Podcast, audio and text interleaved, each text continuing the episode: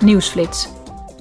Deze week keurde het Europees Parlement de nieuwe verordening over de verdeling van inspanningen goed, waarmee er een maximum wordt gesteld aan het toegestane niveau van CO2-emissies die afkomstig zijn uit het vervoer, gebouwen en de landbouw.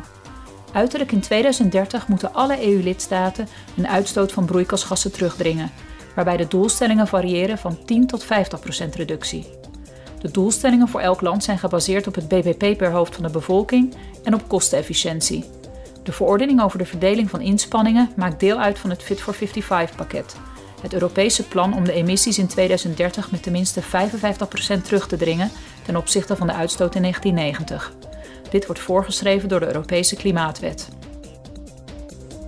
Gisteren voerden de leden van het Europees Parlement een debat met Charles Michel, voorzitter van de Europese Raad, en Ursula von der Leyen, voorzitter van de Europese Commissie.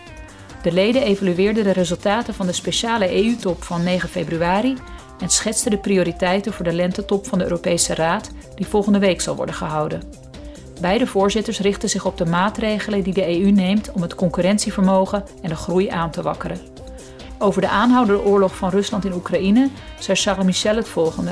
We continue to fight a battle for peace. We blijven vechten voor vrede, en wel in de vorm van een diplomatieke strijd. We steunen de Just Peace-formule die president Zelensky heeft voorgesteld. Deze formule is gebaseerd op het handvest van de Verenigde Naties en op de eerbiediging van het internationaal recht. We doen er alles aan om de internationale gemeenschap achter de vredesinspanningen te krijgen. To rally the international community behind peace efforts. Verder bracht voorzitter von der Leyen verslag uit over de ontmoeting die ze had met de Amerikaanse president Joe Biden. De leiders spraken met elkaar over de economie en de energietransitie. The big bulk of work still lies with us. Het grootste deel van het werk moet door ons in Europa worden verzet. Wij Europeanen moeten er beter in worden om onze eigen schone tech-industrie te koesteren. We moeten ons tempo opvoeren. We moeten de procedures vereenvoudigen. We moeten de toegang tot openbare en particuliere financiering verbeteren. To public and private finances. In Straatsburg stond het Europees Parlement stil bij Internationale Vrouwendag. Met toespraken door de Iraanse winnares van de Nobelprijs voor de Vrede, Shirin Ebadi, en de Italiaanse astronaut en commandant van het internationale ruimtestation Samantha Cristoforetti. De voorzitter van het Europees Parlement, Roberta Metsola, zei daarbij het volgende.